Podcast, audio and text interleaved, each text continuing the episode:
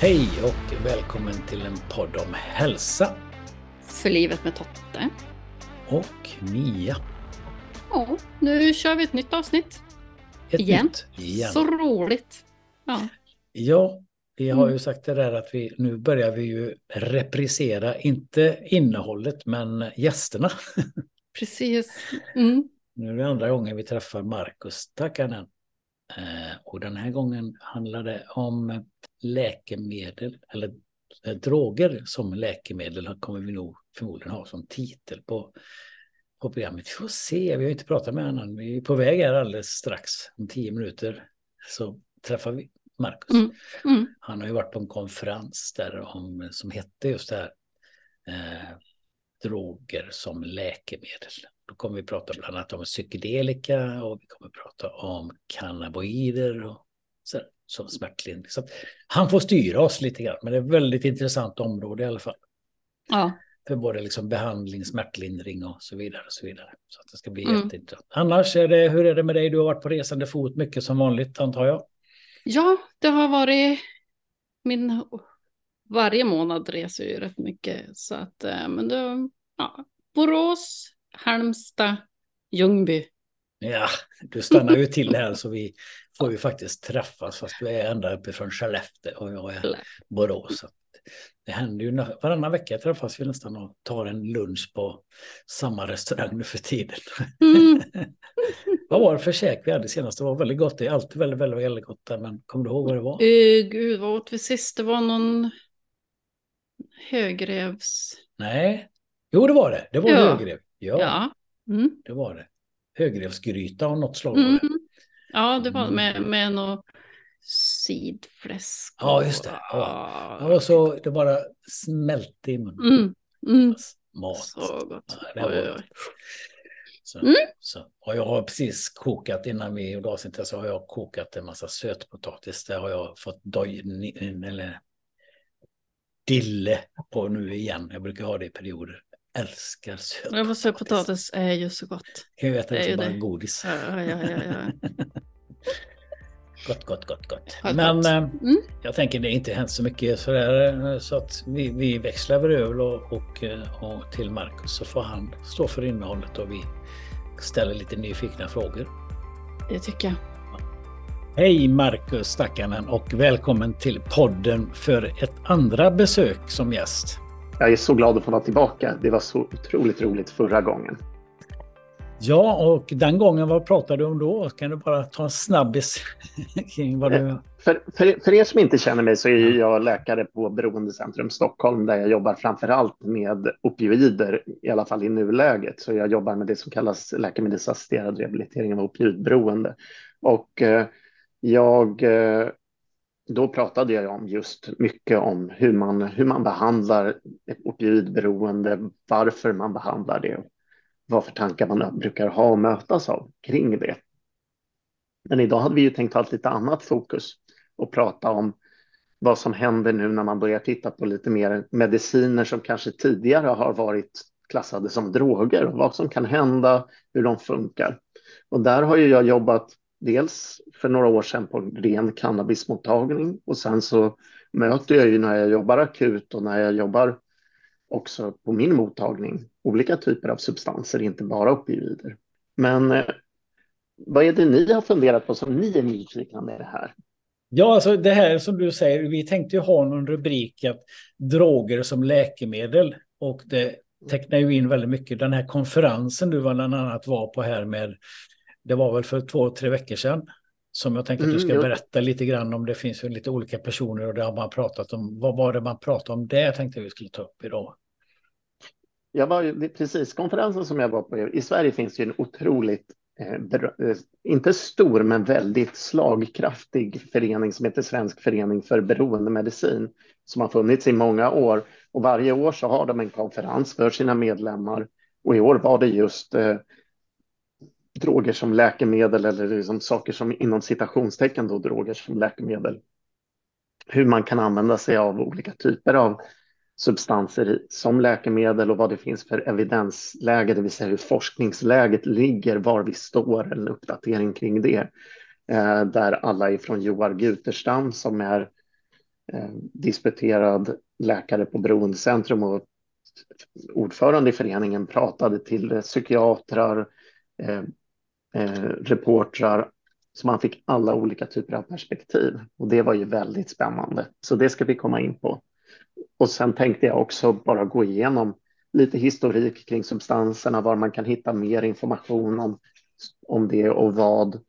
Kanske också ska vi tillsammans prata lite om vad man kan, hur, hur vi tänker kring framtiden så att säga. Ja, det är ju jättespännande. Vad händer i framtiden? Hur ser forskningen ut kring det här psykedelika och vi kommer även prata om cannabinoider eh, som, som i forskning och smärtlindring och, eh, och de här bitarna. Så jag tänker att du får ju styra upp det här lite grann, för du är du som sitter på all kunskap. Mm. Det ska jag göra. Så att när det gäller, vi, vi börjar med cannabis eller cannabinoider som alla känner till, så är det ju så att cannabinoider har funnits om man pratar om att opioider har funnits i, våra, i vår historia länge så kan man ju se att man hittar cannabis i arkeologiska studier i annat bortåt 12 000 år tillbaka. Det säger någonting om hur det liksom har, hur, eh, hur liksom hållbart det har varit i våra liv. Där man, där man har tittat i, där det har funnits i Asien, Indien, Kina, även Grek, eh, i Grekland, även om i Grekland så var det mer i kläder till exempel. Och eh, det Mm, det har även använts ganska tidigt. När man tittade på det, de böcker och det jag har läst om det så när det gäller opioider så var det ganska mycket började som en religiös del. Och sen sen kom det över eller samtidigt kom det över som medicin. Men mycket av det som pratas om i när det gäller cannabinoider är ganska mycket medicin. Och det, det har varit ett medicinskt fokus där man senare, även om vi fortfarande talar om före Kristi födelse, började se att man kunde få euforiska upplevelser av det också. När kan man säga att det här kom till, till Sverige ungefär? Det här med, med cannabis, alltså när, när startade? Det var en alldeles utomordentlig fråga. Mm. det har, eh, men till Europa i alla fall så började man se, kan det ha varit 1600-talet som man började se det i USA, 1600-tal, lite tidigare i Europa. Så att någonstans där började det helt säkert komma till Sverige också. Eh, Carl von Linné eh, visste helt säkert om det och skrev om det. Han kommer in lite mer när det kommer till eh, hallucinogener också. Så att betydligt tidigare. Och sen så efter det så började man liksom titta på hur funkar det medicinskt och det man det man, det man behandlade ofta i alla fall till, långt tillbaka för så var det ju mycket magproblem. Eh, man tittade på sig som sömnläkemedel, huvudvärksläkemedel och ett problem som man ofta behandlar och har mycket tankar kring är ju också veneriska sjukdomar, det vill säga sexuellt sjuk, överförbara sjukdomar. Jag har själv inte på senaste sett några studier om att det skulle ha några effekter på det, så att det var nog mer önsketänkande kanske. Men eh, det var i alla fall där man, det man tänkte. Sen så kom ju, sen på när 1900-talet startade så började det mer och mer ses som en, då började det användas som eh, en rekreationell drog. Eh, man, man hade gått ifrån det medicinska lite grann i alla fall. Och det kom ju också i ett läge där man mycket tänker kring, det kom mycket konventionella läkemedel kom ju när 1900-talet, när krigen kom. Så att det, det, det, forskningen hängde väl inte med för cannabis del då i alla fall. Jag har inte sett mycket forskning från 40-50-talet. Och på 60 eller början på 70-talet så blev det ju också ordentligt narkotikaklassat i USA och det påverkar ju också forskning väldigt mycket eftersom USA har varit ett stort forskningsland. Eh, på senare år, om man ska gå in på liksom den senare historiken, det som har hänt nu, så är det ju att eh, legaliseringen i USA har gått väldigt fort. Det har, eh, tittar man på en karta över USA där man grönfärgar staterna så skulle man nog, ja, nu har vi ingen bild, annars skulle jag nog gärna visa en bild på det här, så ser det nog nästan ut som det är legalt i större befolkningspopulationer än vad det inte är. Eh, där vissa har det mer medicinskt legaliserat och andra har det eh, legaliserat för rekreationellt bruk. Har ni pratat om, jag har inte hört att ni har pratat om eh, skillnaden på avkriminalisering och legalisering tidigare. Har ni gjort det och jag har missat det eller vill ni ja. att jag förklarar det igen? Du kan ta en snabb där, för vi tog det med Johan mm. Wiklén. Eh, mm. Hade vi ju med här och, och, då pratade vi lite om det, men jag tänker det passar ju väldigt bra i sammanhanget här så man får en kontext. Han är ju utomordentligt mycket bättre, eh, bättre på det än vad jag är. Han har ju studerat mycket, men att legalisera det innebär att någonting som är olagligt blir lagligt. Säg, ska man ta ett enklare exempel, så om man skulle få gå mot, köra mot rött, helt plötsligt börja köra mot rött, då skulle det vara att legalisera rödkörning. Och samma sak är det med cannabis. Man, man får ha och bruka cannabis, sälja och tillverka det i en viss, ibland reglerad form, ibland oreglerad form. Där avkriminalisering är ju mer en light-variant där man tittar på att det är fortfarande olagligt. Det är inte något som samhället rekommenderar på det sättet eller står bakom, men man kommer inte, det kommer inte heller riktigt vara helt kriminellt, det vill säga man kommer inte in i belastningsregistret, det kanske kan vara böter vid något läge, man kanske kan reglera det lite mera. Och i Sverige är det ju inte avkriminaliserat. Och pratar man om det på det sättet så är ju det ett tänkbart första steg. Det har tänkts kring det, det har pratats kring det. Och det kan gå ganska fort när det väl beger sig. Även om vi nu har olika typer av vindar kring narkotika och annat som blåser i Sverige så, eh, så är det ändå där, där man kan tänka. Och då tänker man ju sådär, vi pratar om USA och det är ett land som alltid haft cannabis ganska högt upp på agendan, men faktiskt så pratas det i mångt och mycket om man inte ens till och med har kommit närmare en lagstiftning att det ska legaliseras i Tyskland och då inte bara avkriminaliseras utan legaliseras. Det har legaliserats i Uruguay. Det har legaliserats i Kanada till exempel. Även i Thailand. Men det finns väldigt många länder och det kommer ju på bred front låter det som. Och det började i, i USA någonstans, var det runt 2010? Mm, Man började med... Det, och där kommer det ju också före. Där, där är det viktigt att man pratar om det här med medicinsk marijuana, för det införs ju på det sättet också väldigt olika på olika ställen. Där i viss mån, eller i vissa länder så tänker man det ganska strikt, att man förskriver det för vissa saker som det har evidensläge för, alltså forskningsläget är bra för det. Och i viss mån så införs det väldigt brett, som det till exempel tycks ha gjort i Kalifornien, eh, där, eh, där man förskrev det för väldigt, väldigt, väldigt, väldigt, väldigt många olika saker. Så att där där det är ett väldigt brett och ganska blandat begrepp med medicinsk marijuana på det sättet i liksom ett legaliseringssammanhang. Men vi ska försöka snäva in det lite grann.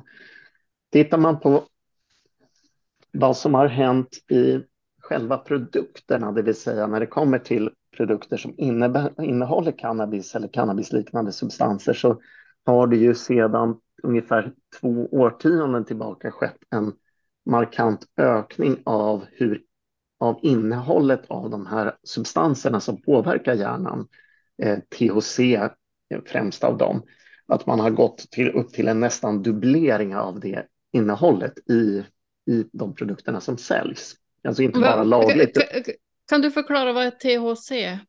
Det, det? Ja, jag, jag förekommer mig själv. Eh, så att när man tittar på cannabis, som, alltså när du röker en, en röker cannabis så innehåller det massor av massor av massor av massor av olika substanser som i mer eller mindre utsträckning påverkar vår hjärna. Det innehåller eh, saker såsom CBD som vi har hört talas om lite grann och sen innehåller en huvudsakligt aktiv substans som heter tetrahydrocannabinol, THC. Och genom åren som har varit när man har ökad legalisering och en annan typ av produkter så har då också innehållet av THC gått upp markant i produkterna. Det vill säga om man skulle titta på Coca-Cola så skulle det vara som man hade dubblerat mängden socker i kolan över två år, över 10, 20 eh, år. Så att det är liksom det är den aktiva substansen eller dubblerat mängden koffein i kaffet eller någonting sånt. Så det har liksom, den aktiva substansen har förändrats i det, det som faktiskt kommer ut på marknaden, lagligt och olagligt. Det som också har hänt är att man förr i tiden hade ganska, var ganska snäv i vad som innehöll eh, THC eller de här aktiva substanserna, eh, cannabisliknande produkterna, så har man gått ut och fått en mycket bredare produktflora om man ska prata liksom sådana termer, det vill säga man har vanligt att röka, utan man kan röka cannabis, men man har också allt från muffins till godis till annat. Och dessa kan innehålla ytterligare mer eh, av den här aktiva substansen. Och vi ska prata lite om hur den funkar sen. Så det har också hänt nu de senaste åren. Någonting annat som, som har hänt med liksom åren, det är att eh, man, man har att attityden i folk, liksom i, bland ungdomar och unga vuxna och vuxna för den delen, har ändrats markant så att väldigt mycket färre personer ser cannabis som någonting riskabelt. Och det är ju på det sättet kanske bra med en mera nyanserat sätt att se på narkotika och se på de olika narkotikasorterna. Men, men när det går för snabbt i sånt här så kan det också få folkhälsoeffekter, det vill säga att det kanske inte är så att det jag lärde mig som är född på 80-talet i skolan om cannabis och hur det leder till och vad det leder till stämmer till 100 procent och att jag skulle haft en mer kritisk syn om jag växte upp idag. Men det kanske inte är så att den bilden man får idag heller har en fullgod effekt för att bedöma risker om ni förstår vad jag menar. Mm. Tänker på det med THC med. Eh, det är väl, eh, jag vet att Wiklén pratade med det om, med det om i avsnittet att om staten nu tar över och reglerar så att säga kvalitetssäkrar, eller man ska kalla det, innehållet i drogerna. För det gör man ju när det gäller, vi har ju Systembolaget som garanterar att det är grejer som säljs som är, alltså det innehåller en viss mängd, eller en viss alkoholprocent och så vidare. Och det är väl lite som med THC, det är ju det som ger lite yrseln och så har vi CBD-delen då som kanske, det är två olika delar. Att, hur tänker du kring det? Jag tycker det är en alldeles utomordentlig synpunkt och egentligen skulle man kunna extrapolera det till att ironiskt nog med våra liksom, lagar och regler och förbuds, förbudskultur och annat så kanske Sverige egentligen skulle varit de som var bäst lämpade för en legalisering för att vi redan har ett system som funkar ganska bra. Ingen ironi i att det heter systemet, men vi har ju liksom ett ganska bra system för att reglera sånt här och föra in det på marknaden där det ändå är den här liksom, ohämmade marknads, eh, marknadskrafterna som kanske har lett till just den här ökningen av THC-innehållet. Så det har han helt rätt i. Det, vi har kanske ett system som funkar lite bättre för det än vad många andra har. Det finns ett färdigt system. Sen, först motboken och sen kom Systembolaget för vi höll på att supa ihjäl oss. Och ja. det, har, det har ju liksom det anglosaxiska bältet, så att säga, problem att förhålla oss till rusmedel. oh, ja, det har. Och, och det, det behöver regleras. Så det är väl där vi står med historiken.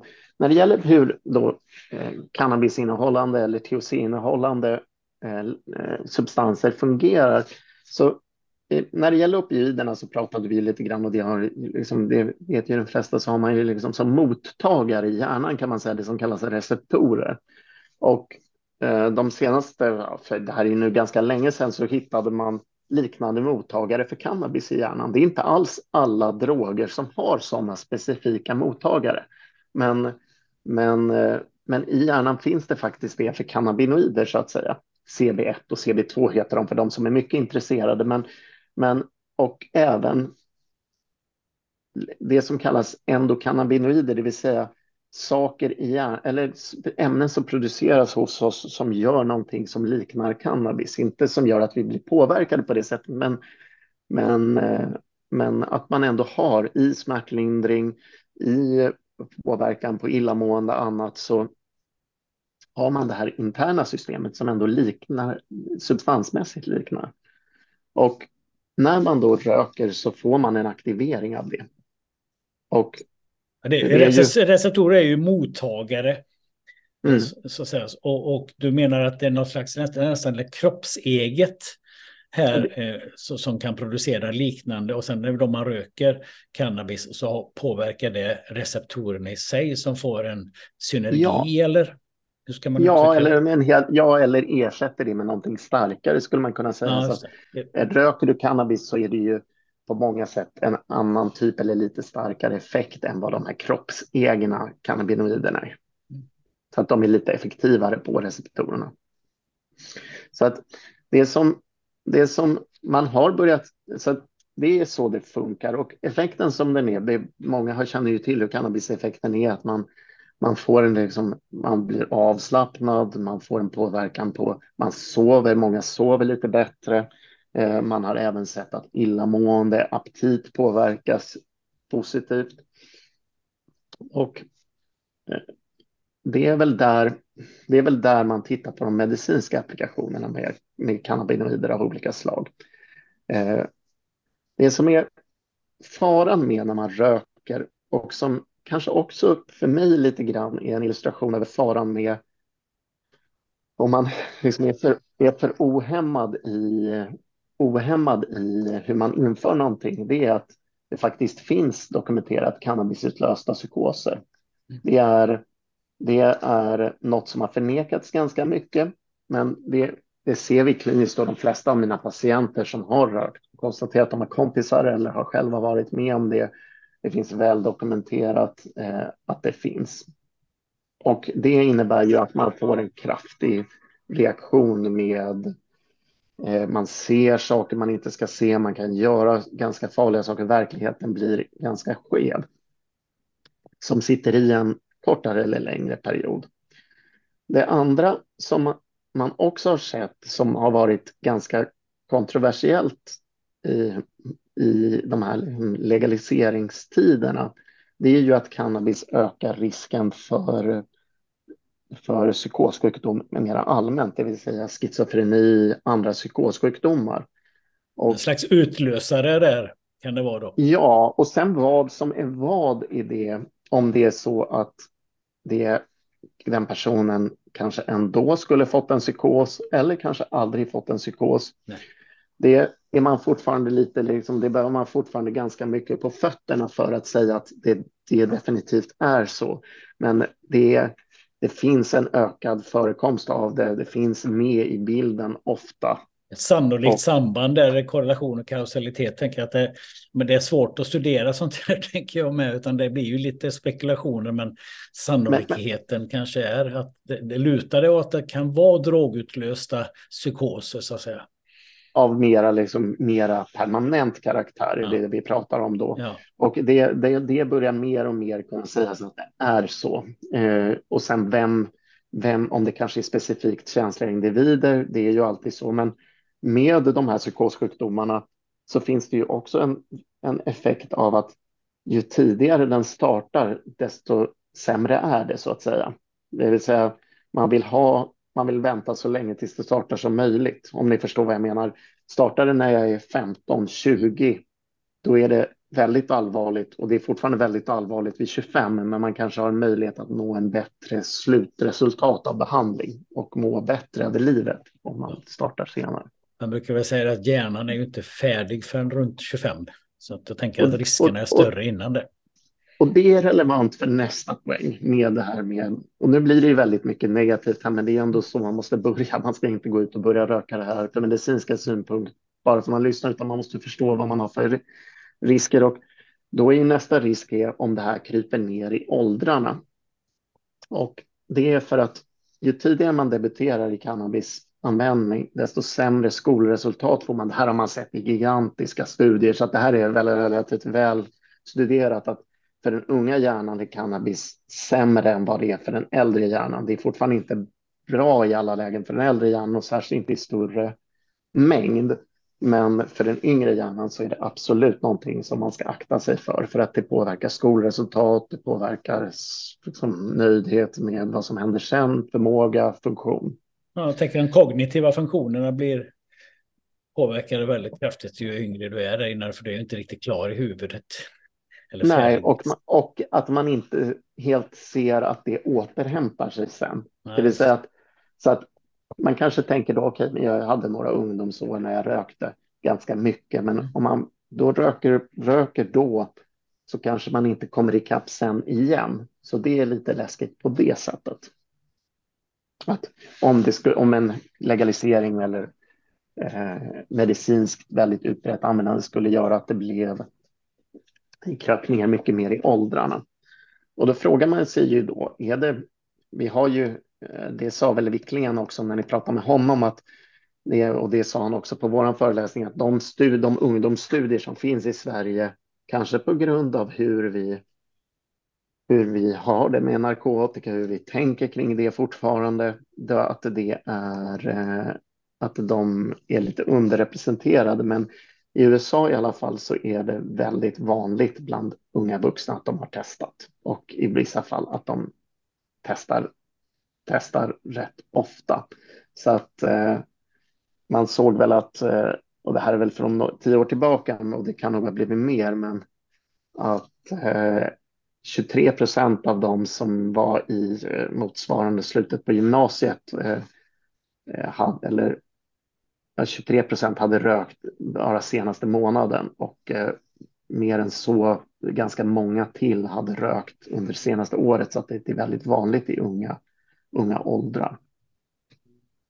Är det här i Sverige eller USA? Det är USA. I Sverige så är siffrorna betydligt lägre. Det är väl i, kan det vara i en, liksom ensiffriga procentsatser, men där är det också, jag är mera, mera obenägen att dra siffror för där är det mycket osäkrare. Man har kunnat studera att det inte finns, att det inte stämmer, men i USA tycks de ganska där det inte är lika stigmatiserat så är det enklare att se. Så att, det är väl, som vi pratar om här, kommer in lite på det, allting, väldigt mycket är ju en dosfråga. Och jag tänker också, brukar ta det här, jag jobbar ju med beroendebehandling och det är ju du med, liksom att, mm. eh, fast jag gör det med KBT. Eh, och då tänker jag, hur vanligt skulle man säga Alltså kan, jag brukar säga till mina klienter att alla som röker cannabis blir inte beroende. Alla som dricker alkohol blir inte beroende. Alla som tar opioider blir inte beroende. Och så, här, så här finns det ju liksom gradskillnader här. Hur vanligt skulle du säga att man utvecklar ett beroende rent procentuellt på cannabis kontra alkohol? Finns det någon sån Om det är någorlunda, alltså kontra alkohol är jättesvårt för det dricks så det, jag har inga, där, det, jag jobbar inte så ofta med det, så att opioidberoende, där, där kan man väl säga att av, för att bara jämföra, så där är det väl så att har, har, har du fått något enstaka? Åh jävlar! Nu händer det Förlåt, det larmar, kan vi pausa bara? Nej, vad är Marcus? Marcus, vad händer? Det var jag som var för yvig. Jag tryckte på mitt eget larm. Alltså, det, var, det, var jag det, det är nästan larmade. så vi får ta med det i podden. Det får ni göra. Så jag larmade på mitt överfallslarm. Ja, det är nästan det lite reaction sådär mitt i avsnittet. Ja, det var bara jag som gestikulerade. Jag är alltid när jag pratar, pratar om saker jag tycker är kul. Men så att det, det, tittar man på opioider så var det väl så att när, eh, när man hade på alla som någon gång, det var 70 000 som fick, eh, Eh, fick ett recept ett år eh, med opioider och då var det ungefär 200 som blev beroende. Så man liksom, det, det har ganska högt eh, beroendepotential bara att man liksom får det någon enstaka gång och sen går vidare. Det lite, finns lite mer i det, att hur mycket använder man sen vet vi inte och annat. Med cannabis så såg man väl att de som använde det relativt ofta så var det ungefär 9 procent av regelbundna användare som blev beroende. 9-10 procent. Så att av de som använder det ganska regelbundet så hamnar 10 procent i beroende. Det är en ganska bra tumregel så att säga. Ja, det är som att alla kan ju utveckla, sen prata, nu har vi ju pratat mycket om varningsklockor här och liksom faror och risker och så vidare med det. Och det är ju väldigt viktigt att vara medveten om om man släpper lös saker och ting, legaliserar så att säga. Och jag tänker avkriminalisera är jag ju för, för jag tycker inte man ska straffas om man har ett beroende, då behöver man hjälp. Nej. Och det tänker jag, det pratar vi nog redan med upp, alltså när ni pratar om, när man pratar om opioider, det, liksom, mm. det, det, ska vara enkelt att söka hjälp. Ja. Och det ska, det ska inte vara så att man känner någon som helst tvekan och gå till en polis och säga ja, det, så här är det, eller till en till vem som helst att det är inte så, utan då ska det vara ganska enkelt. Men Och i jämförelse med kanske det vi ska prata om sen, hallucinogener, så är det ändå så att det är väldigt befäst att med djurmodeller, med annat, att, eh, att THC ger ett beroende.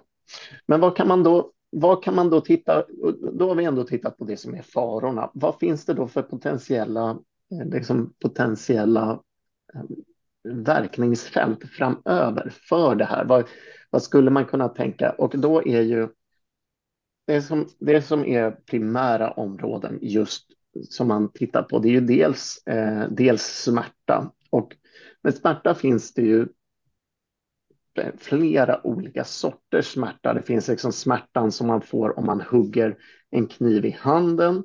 Det finns smärta som man får om man får väldigt ont i nerverna. Och det finns, liksom, det finns en uppsjö olika sorters smärta. Men om man tittar då på nervsmärta till exempel så är det ganska svårt att behandla. Eh, det är, får du en liksom brutet ben, då är det ändå så att vissa typer av ja, men, opioider, det vill säga morfin och annat, det funkar, man trappar ner det, det funkar. Men med nervsmärta så är det lite mer komplicerat och det har varit en sån sak som man har tittat på med cannabinoider. Men där man fortfarande inte kan säga på ett sånt självklart sätt att eh, det är, är bättre eller sämre. Det börjar liksom komma fram, det börjar skönjas lite att det kanske är så. Men någon jätterevolution är man inte på riktigt än. Så skulle man kunna säga med nervsmärtor i alla fall. Där förstås är det, är det så att man har, man har lite tankar kring att det ändå är en svår sjukdom. Det är ändå någonting man behöver liksom lösa. Så att det vore roligt om det, eller det vore väldigt, inte roligt, det vore djupt användbart om det funkar. De andra områdena det är ju vissa krampsjukdomar, svårare krampsjukdomar, alltså i folkmun vissa typer av epilepsi eller typer av kramper där man har sett att, det, att just de här receptorerna finns med och eh, det börjar testas där det till och med har, Eh, finns liknande läkemedel som börjar testas i Sativex heter det som finns eh, möjligen på den svenska marknaden. Så att, men det är väldigt specifika nischade sjukdomar fortfarande. Det är inte i en allmänt om man har epilepsi så, utan det är mycket specifika kramper där det också finns mot de vanligare eh, finns annat som fungerar bättre. Så att det är vi är inte där, inte där det här kommer ut på marknaden på, på en neurologmottagning i någon större utsträckning, utan det är det är eh, det är också kanske vid multipel skleros som är en svår neurologisk sjukdom. Det är, liksom, det är, det är väldigt specifika saker.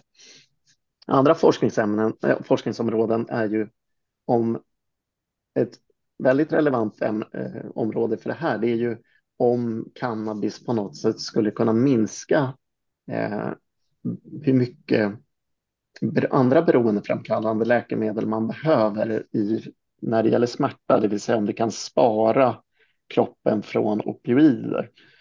Och det är inget jag ser just precis nu, men det är ju ett väldigt intressant fält, det vill säga kan man minska mängden av de här medicinerna som har skapat ganska mycket lidande i USA när de överförskrivs och använda det som ett sätt att liksom komma ur svåra smärttillstånd, eh, då har man ju vunnit väldigt mycket. Oxycodonen-skandalen eller i USA är det väl ja, som, det har gjort flera det, filmer. Om jag tittar på en mm. serie nu som går på Netflix bland annat. Ja. Om det då är förskrivningen och, av det här.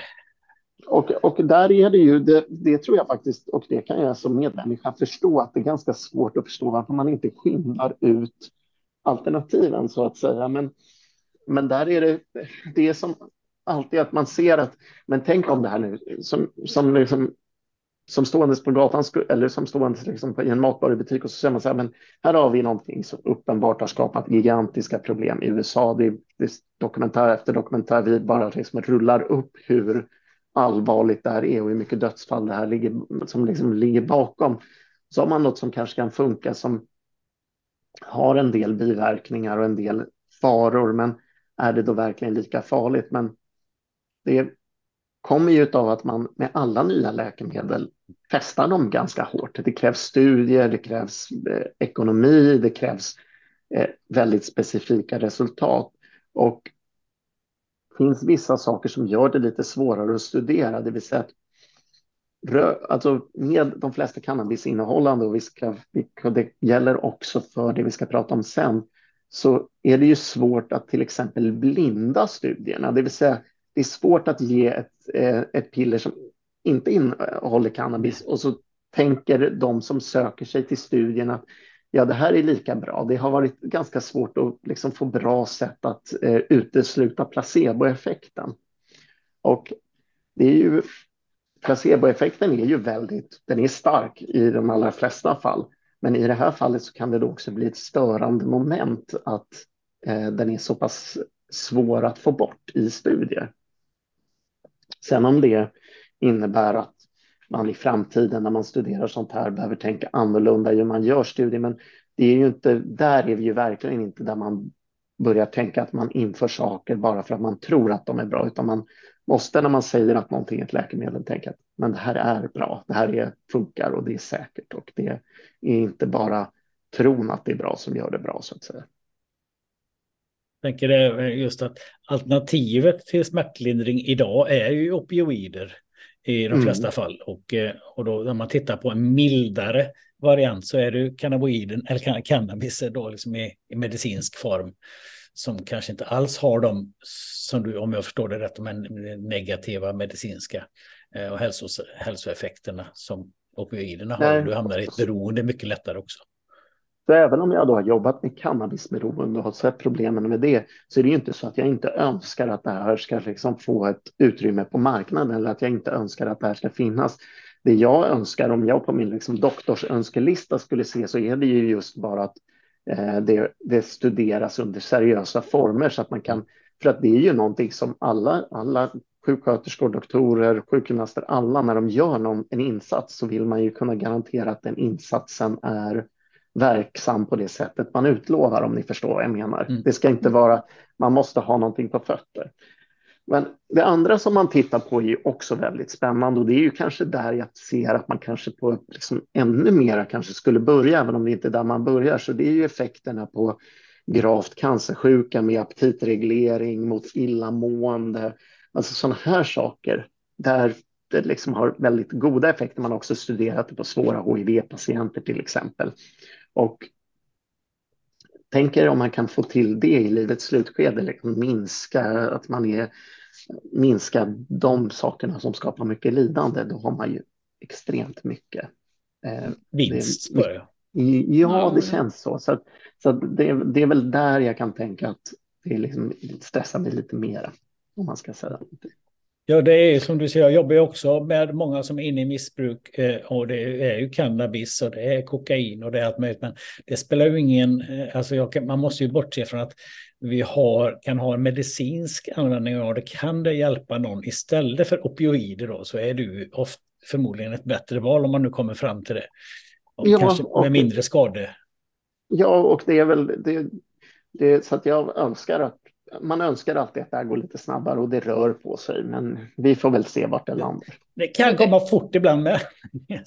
mm. Ja, men det kan det, men, men, men det där är lite läskigt när det kommer för fort. För säg att man, mm. man legaliserar det och så blir det liksom väldigt, då kanske man tappar, tappar en hel del utrymme för forskning, för behandling. Går det för fort i legalisering kanske man inte heller eh, ser till att eh, utbyggnaden av man måste se till att utbyggnaden av ordentlig beroendevård, att man inte bara sopar under mattan utan att politikerna som legaliserar då konstaterar att det här är ett beroendeframkallande preparat. Cannabis, det ska man absolut inte sticka under stolen med. Cannabisberoendet ger ett enormt lidande hos vissa patienter som är liksom inte, inte att leka med. Men att man förhåller sig till det, lagstiftar kring det och gör det på ett bra sätt istället. Har du någon känsla, vad tror du, hur långt bort Sverige kan vara i den där? Alltså jag är så dålig på spå och det Sverige. Sverige om du fick önska? om jag fick önska, jag öns du menar till legalisering eller mm. till medicinerna? Ja. Eh, legalis legalisering känner jag att jag har nog inget, det är inte något som jag önskar kommer eller inte önskar kommer. Det låter som något ironiskt kommandes från en beroendeläkare, men det är ju alltid ett politiskt pris man betalar med en legalisering. Det priset har man betalat med alkohol mm. och det, det är ju mycket mm. skadeverkningar.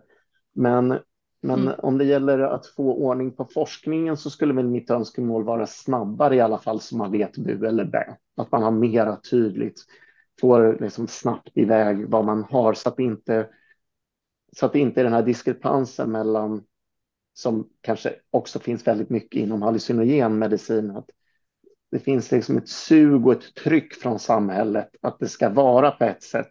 Men forskningen har inte hunnit med och då påverkar bristen på forskning och önskan från, från många om helt, legit, alltså helt legitim önskan från många att man får en lösning på många problem eller bara mindre, mindre brott, mindre annat. Eh, när den inte är i samklang, ja det är det som inte blir bra. Mm. Om ni förstår vad jag menar. Nej, alltså att ja, forskningen får chansen att hänga med lite, så får lite utrymme. För det pratades också en del om det på den här kongressen, det vill säga om det finns, säg att man har gjort en pytteliten studie eh, som inte är särskilt bra. Studier kan ju vara bra eller dåliga beroende på hur man har gjort dem och ge mer närma sig sanningen så att säga. Man har gjort en pytteliten som får jättemycket utrymme i media och så blir det liksom inget bra. Eh, alltså så kallad körsbärsplockning.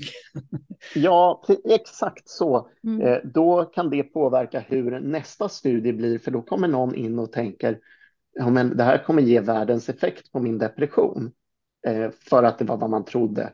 Och så är det så svårt då att blinda studien, det vill säga att säga att man vet ju om man har fått svampar eller inte, det vet man.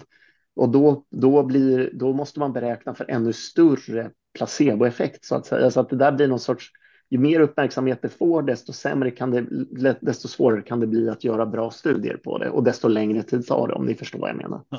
Om man skulle mm. sammanfatta så är det lite att det är bra att låta det här mogna fram, att det inte sker förhastat, att forskningen är med. Sen tänker jag att väldigt mycket i Sverige upplever jag ju då, och det är väl i Johan Wikléns linje med det där, att eh, ideologi står lite grann mot vetenskap och forskning och det här gamla historiska motståndet mot cannabis, att all knark är bajs.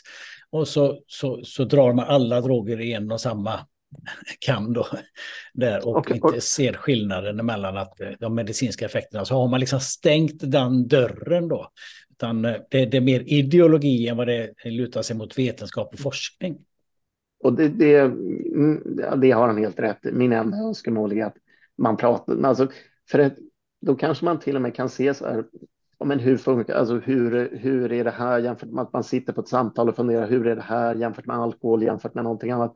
Men nu är det så väldigt dogmatiskt eller väldigt liksom ja. i skyttegravarna och det, mm. det verkar inte vara gynnsamt. Ja, men det är antingen eller. Det finns liksom inga ja. nyanser i den eh, ibland. Utan... Ja, ja, lite så är det ju verkligen man måste tänka. Ja, att alltså... man kommer mot en mera liksom praktiskt att det, men, men så dit hoppas jag vi ganska, det är nog också ett generationsskifte hoppas ja. jag lite. Att vi är redan inne i det, det känns så. Det känns lite så. Sen är det ju vad man, vilka medier man hänger på. man är i sin egen Absolut. bubbla. Absolut, man är i sin egen bubbla. Bra, men, ska, vi, ska vi gå över till nästa så vi hinner med även psykedelikan eller? Tycker ja, men det, det, tänker jag ändå, det tänker jag ändå. Sen så får väl kommer det in frågor eller om lyssnare har frågor så kan, ju bara, så kan vi ju spela in ett litet extra, liksom extra.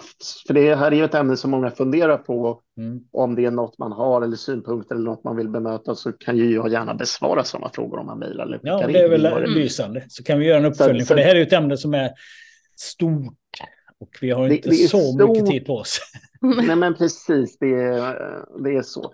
Så psykedelika, bara för att vet man vad man pratar om, så är det ett väldigt brett, eh, det är en väldigt bred klass av eh, saker, men av liksom substanser där man har, man delar in det på lite olika sätt, men ett sätt att dela in det på är att man har tryptaminer med till exempel psilocybin, grod, grodgift. Sen har man ergoliner som är LSD till exempel. Eh, Eh, Fentylaminer som är meskalin. Eh, till viss del har man klassat MDMA, det vill säga ecstasy till det. Och sen har man eh, mera andra eller delirianter som mina patienter brukar i alla fall kalla dem. Det är, och det är väl vad man brukar kalla dem som är till exempel ketamin och ibogain. Så det är väl så man delar in det. Historiskt sett Och här finns det faktiskt, till skillnad från vad jag vet specifikt med cannabis, det kanske finns en bra bok om det. Det finns ju Wicklingens bok till exempel om cannabis eller om legalisering, men den är inte specifik, så finns det en väldigt specifik och väldigt roligt namngiven bok om, om psykedelika som en, jag ska säga som liksom, det som kallas det, att jag har bias i den för att det är en av min brors vänner som har skrivit den, men namnet är också fantastiskt. Den heter Extas i folkhemmet. Eh, och det, alltså, jag, jag, jag, kan inte säga annat än att det är ett magiskt namn. Den handlar om eh, psykedelikans historia i Sverige och skriven av en, eh, av en journalist som heter Leonidas, eh, jag ska bara få fram hans namn, Ar Aretakis. Så att, och han är jättetrevlig, jätteduktig och väldigt duktig på att skriva. Så är man det minsta intresserad av det här ämnet, psykedelika, och bor i Sverige så tycker jag att det här är en fantastisk, eh, fantastisk bok att läsa. Finns det en sån ljudbok också, vet du det?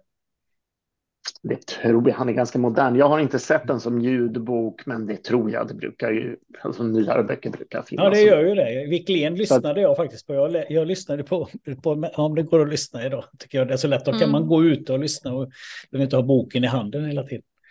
Nej, men eller på gymmet för den delen. Jag lyssnar ja, nästan precis. Ja, på gymmet. precis. Jag lyssnar Exakt. på poddar och ljudböcker och allt möjligt ja. på gymmet. Så, så, istället för så, det är, så det är nästan det bästa stället. Att ja, liksom, ja.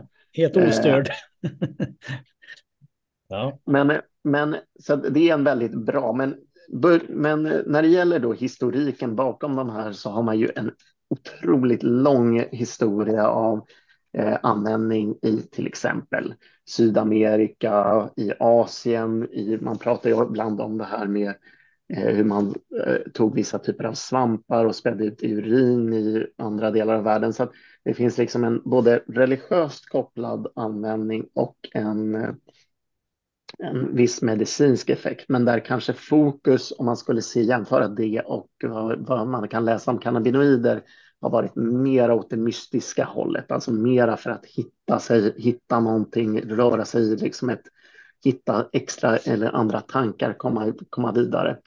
Och sen så hittade man, eh, så den moderna historiken är väl att man i slutet på 19, eller 1800-talet så, så såg man att den här peyote-kaktusen som, är, som innehåller meskalin, meskalin. innehöll meskalin Eh, Ibugain som vi ska prata lite om för opioidberoende.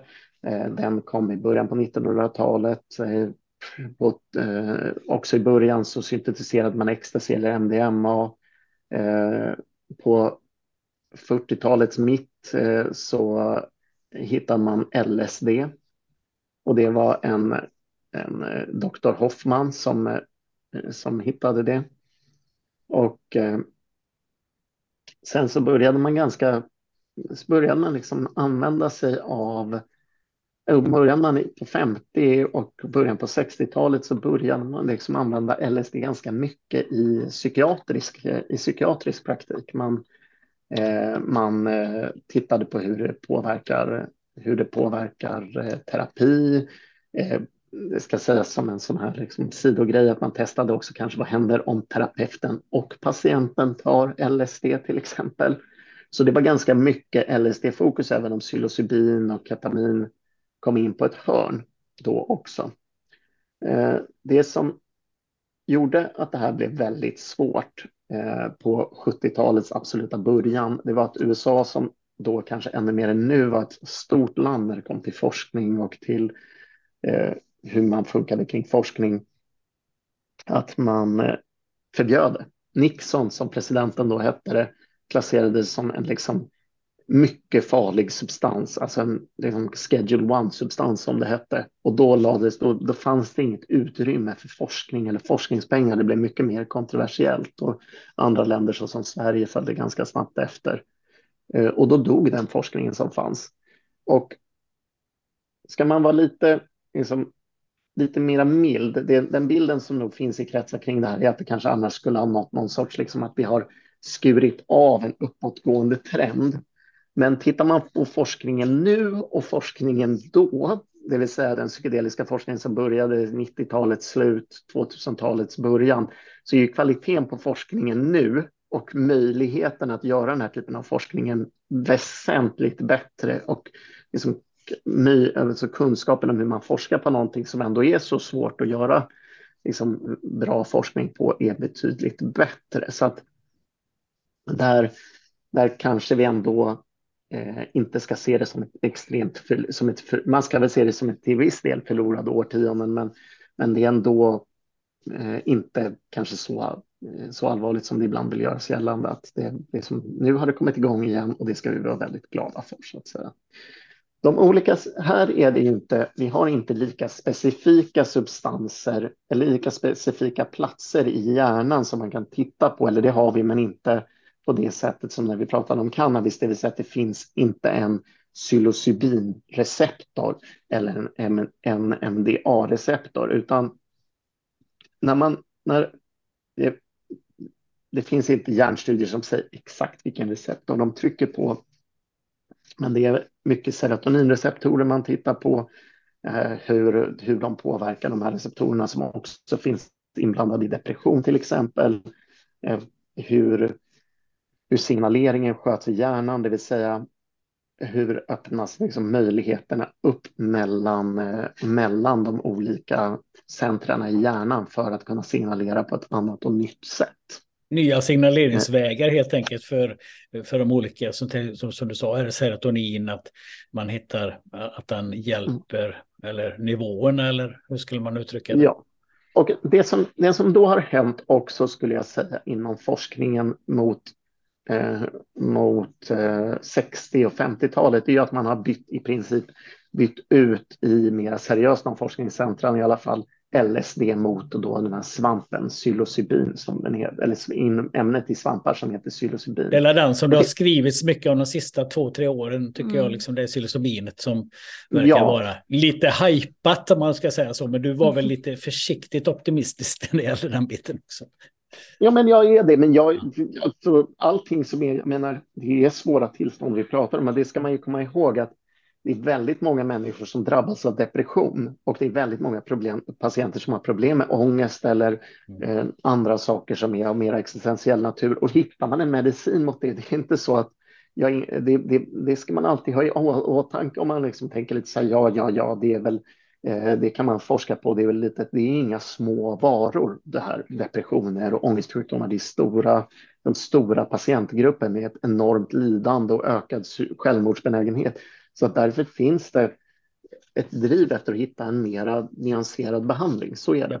Jag tänker Men, det finns en stark önskan om det här att det är den heliga graalen att hitta det här. Den här lösningen gäller för alla och allt då, i alla tider. Och, och tittar man på vad som händer om man tar svampar, för de lyssnare som inte kanske är så involverade, så ger det ju eh, en, direkt när du tar psilocybin så kan det ge en ganska stark känsla av sammanhang. Man kan känna att man liksom inte riktigt är i sig själv.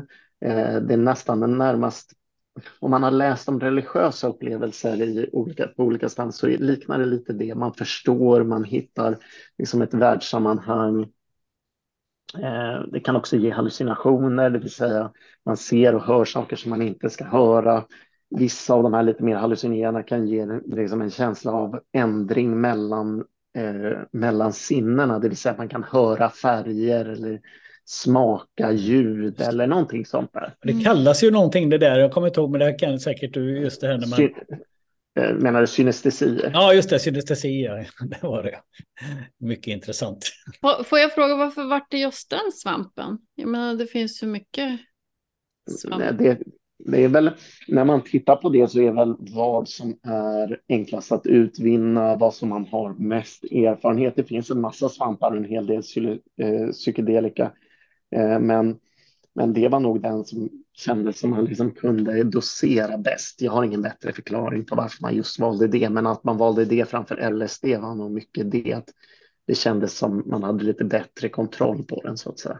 Det jag tänker är en intressant tanke jag får här i huvudet är att en person som inte har depression eller några som helst problem, fungerande signalsystem så att säga när det gäller testo, eller testosteron, serotonin och de bitarna och en som har en depression då, eh, hur slår det liksom olika där? Att skulle man, jag vet inte, det var bara ett tanke jag fick. Men jag tycker inte det är, det är inte, först vill jag säga att via, jag, jag tror jag får återkomma och kolla eh, kolla, för det var faktiskt jätteintressant. Jag ska kolla upp och återkomma till er så kan ni ju ta upp det som ett svar på. Blindad studie. nej, men mer, nej, nej, nej, men mera frågan, den här frågan om varför man valde just psilocybin ja, i det här fallet har jag faktiskt inte koll. Så det ska, när det gäller hur det slår på den, den icke-deprimerade och den deprimerade hjärnan så kan man nog tänka sig att det slår själva den, de, de här mystiska effekterna och de här hallucinogena effekterna de liknar nog varandra lite grann. Jag har aldrig, i alla fall i min kliniska vardag, hört om någon olika. Men att man blir nog inte euforisk på det sättet som icke-deprimerad, mest man kanske liksom kommer upp lite mer ur sin depression som deprimerad. Så att säga. Så jag tror inte på det, på det sättet som man kanske talar om att amfetamin ger en annan effekt på en hjärna hos de som har ADHD än på någon annanstans. Så tror jag inte, det lilla jag läste i alla fall, att det skulle vara något i det här. Sen Kommer man då till det lite mer långsiktiga, vad som händer med hallucinogener, så är det ju att det finns ändå dokumenterat eh, problem i det långa förloppet, det vill säga kvarstående HPPD kallas det alltså som något så kvarstående hallucinogent eh, tillstånd, men enkelt sett och med en väldigt målande beskrivning skulle man kalla det Alice i underlandet, ett Alice i underlandet syndrom, det vill säga att man får en väldigt liksom, störningar i sin verklighetsuppfattning som inte är liksom rent hallucinatoriska utan mer så här lite overkliga. Alltså, Receptionsstörningar typ? Ja, lite så här, men, men väldigt, kan vara väldigt handikappade. Eh, det, det är väl ungefär 5 procent av alla som får det, men det är inte att bara liksom skratta åt så att säga, utan det händer och är är allvarligt. Så det är väl lite det som de här är. Och det man då tittar på med eh, psilocybin men också ketamin, ibland också ecstasy, det är ju möjligheten att använda det som en antidepressiv behandling. Framförallt det är där en del av forskningen finns. Sen finns det också forskning på alkoholberoende till exempel. Ja, jag mm. läser här, John Marston eh, på den här konferensen pratar väl om beroendetillstånd, psykedelisk mm. behandling av... Nej, det blev, eh, det blev Joar, alltså vår eh, ordförande. Alltså det blev Guterstam? Ja, så att han ersatte honom. Det blev något sent avhopp, men det var nästan, han är väldigt, väldigt duktig på sammanfattning. Ja, han har ju varit med i podden, men han är ju grym. Så att... Ja, men han är verkligen, han är verkligen grym. Ja. Så att det, och där börjar man väl se lovande resultat för alkoholberoende faktiskt med psilocybin och där, där man kan börja titta på att det minskar berusningsdrickandet och att det inte är det inte alls är något som inte, inte är på kartan, utan det finns på kartan. Det är inte färdigt än för att lanseras som en färdig medicinsk lösning för det. Men det, men det, är, ändå, det är ändå på gång. Och det, det är också jättespännande. Det är ändå så att Alltså, man kan säga vad man vill, men, men det är ändå, har man då kanske experimenterat med lite olika saker och sen så har man då ett alkoholproblem och så får man då erbjudande om eh, Antabus eller Campral eller Naltrexon som då är de medicinerna som finns, och, eller då testa psilocybin. kanske man är lite mer benägen att ta sitt psilocybin, jag vet inte. Det, det känns ändå som att det kanske är en spännande, ett spännande alternativ till Antabus om vi säger så. Ja, det, det låter ju intressant. Jag tänker det här med signaleringsvägar och dopamin och sådana saker som kanske påverkas av det här psykedeliska. Då. Kan, det, kan det vara där kopplingen ligger rent medicinskt eller biokemiskt? Det är väl en tanke. Det lilla jag förstått så är fortfarande väldigt lite, alltså forskning är i sin absoluta linda, så att, att hitta liksom signalering, alltså just nu så ser man bara att det har en, det, har, det ser ut som både psilocybin och ketamin som vi inte har pratat så mycket om, som också är forskats mycket på, som är ett gammalt narkosmedel eh, med kanske något mindre hallucinogena effekter men goda effekter på depression. Har haft, goda, har haft effekter på sug, men sen om det vilken del av belöningssystemet eller av hjärnan det är, det är fortfarande jag, inte, jag kan i alla fall inte riktigt på vad på detaljnivå vad det skulle vara. Men det är ett intressant område verkligen för att mm. just det här att det här som många upplever då den här genetiska faktorn i alkoholberoende till exempel just att man har man blir aldrig känner sig aldrig tillräckligt belönad man vill ha starkare belöning hela tiden och det här på något mm. sätt kan reglera det då och det är faktiskt jätteintressant koppling vi pratade ju innan vi började spela in här om Ozempic och viktminskningsläkemedel för viktminskning och det är många som upplever att man tappar alkoholsuget när man äter Ozempic också. Nu är ju det en helt annan fråga, men jag vill bara flika in det. Det är väldigt intressant. Och det, måste jag, det, måste, det har inte jag hört, men jag har, det är väldigt få av mina patienter som har Ozempic. Det är det är ju fortfarande en ganska, ska man säga att det fortfarande är liksom en ganska ovanlig medicin för den är så brist, det är en sån brist på den, det är så många som vill ha den. Så. Ja, den är ju poppis, minst mm. sagt, både två mm. grupper av diabetes typ 2 och viktminskning då. Men då, de som har tagit viktminskningen har, har, jag är med i en sån grupp där det är väldigt många som upplever att de inte, vill, är inte sugna på alkohol längre som de var innan. Det tänkte jag, det, oj, det hade jag inte hört innan. Så, ja, alltså det, det är jättespännande. Det var spännande. Alltså kopplingen till det här med psykedelika då. Att man faktiskt kan få det här omättliga eh, som är ett beroende. Just det här att man har kontrollförlust. Man bara vill ha mer och mer och toleransen ökar hela tiden. Att, men det är samma viktminskningsmedlet. Det är att många av de här patienterna upplever för första gången i sitt liv att de faktiskt blir mätta och nöjda när de äter. Att de kan stoppa i tid. Och det kanske är där den effekten har med alkohol också. Då. Ja, alltså de, de blir inte sugna på mer. De Nej. känner att det här är, Nej, det, är det bra. Liksom. Det är tillräckligt. Ja, ja det, det, är bra nu. Mm. Men så man ska då ändå sammanfatta var, var vi är på väg, men, eller bara prata kort om ketamin som också har pratats om och forskats om på KI. Så ketamin är ju, började ju som ett, började som ett eh, narkosläkemedel med vissa liksom, dissociativ inslag och eh, vissa hallucinogena effekter. Men där man har sett att också endosförfarande vid vissa lägen kan ge, ge, en, eh, ge en antidepressiv effekt. Så det forskas det relativt intensivt på parallellt med eh, psilocybin. Mm. Så det är spännande. Och vi ser fram emot att det liksom kommer fram för att flera behandlingsalternativ och särskilt mot kanske tyngre depressioner eller svårbehandlade depressioner är ju jättebra. Men då undrar man ju, för att det har ju pratats lite om sådana mikrodosering i, det har ni ju säkert hört, mikrodosering i, i sammanhangen om depression, att folk tar låga doser av svampar under en längre tid och annat. Och vad är då nackdelarna med att göra? Varför ska inte alla gå ut och ta svamp just nu? Och det är ju det man ska vara ganska ärlig med när det kommer till hallucinogener, det är att det är få av hallucinogenerna som egentligen har visat det beroendepotentialet, alltså att man blir på det sättet fysiskt beroende Nej, som med alkohol. Det, det, det, det är i princip, vad jag har förstått, så är det kanske MDMA, det vill säga ecstasy, som ändå ger en visst fysiskt beroende att man har sett, och ketamin som har det, men inte LSD eller psilocybin i den utsträckningen. Men tills man vet att det är någorlunda säkert så har man ju ändå sett eh, man har sett fall av folk som har fått väldigt dålig effekt av LSD, av psilocybin, att man får dåliga trippar, att man får eh, psykoser av olika slag, utsätter sig för fara, att det finns liksom, det är inte, det är inte helt utan, det, det finns fortfarande anledning att vänta in studier och få det lite mer ordnat infört om det ska införas. Så att säga. Ja, det, och det är ju som du sa innan, det är en lång process, vetenskaplig process innan något läkemedel godkänns.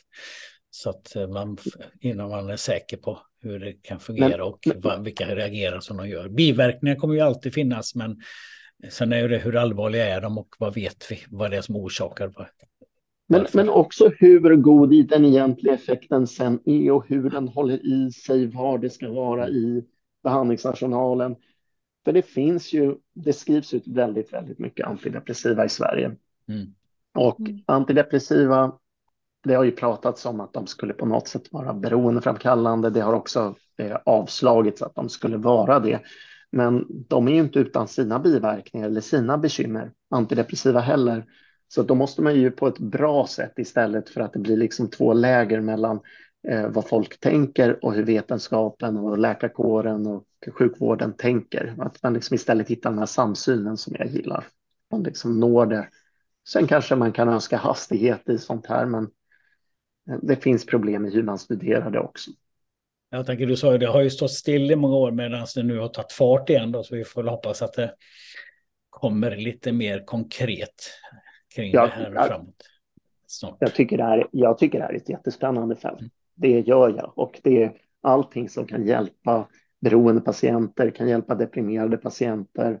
Eh, allting i vår behandlingsarsenal är ju spännande och eh, så hoppas jag bara att det kommer att vi får snart svart på vitt hur vi ska göra. Mm.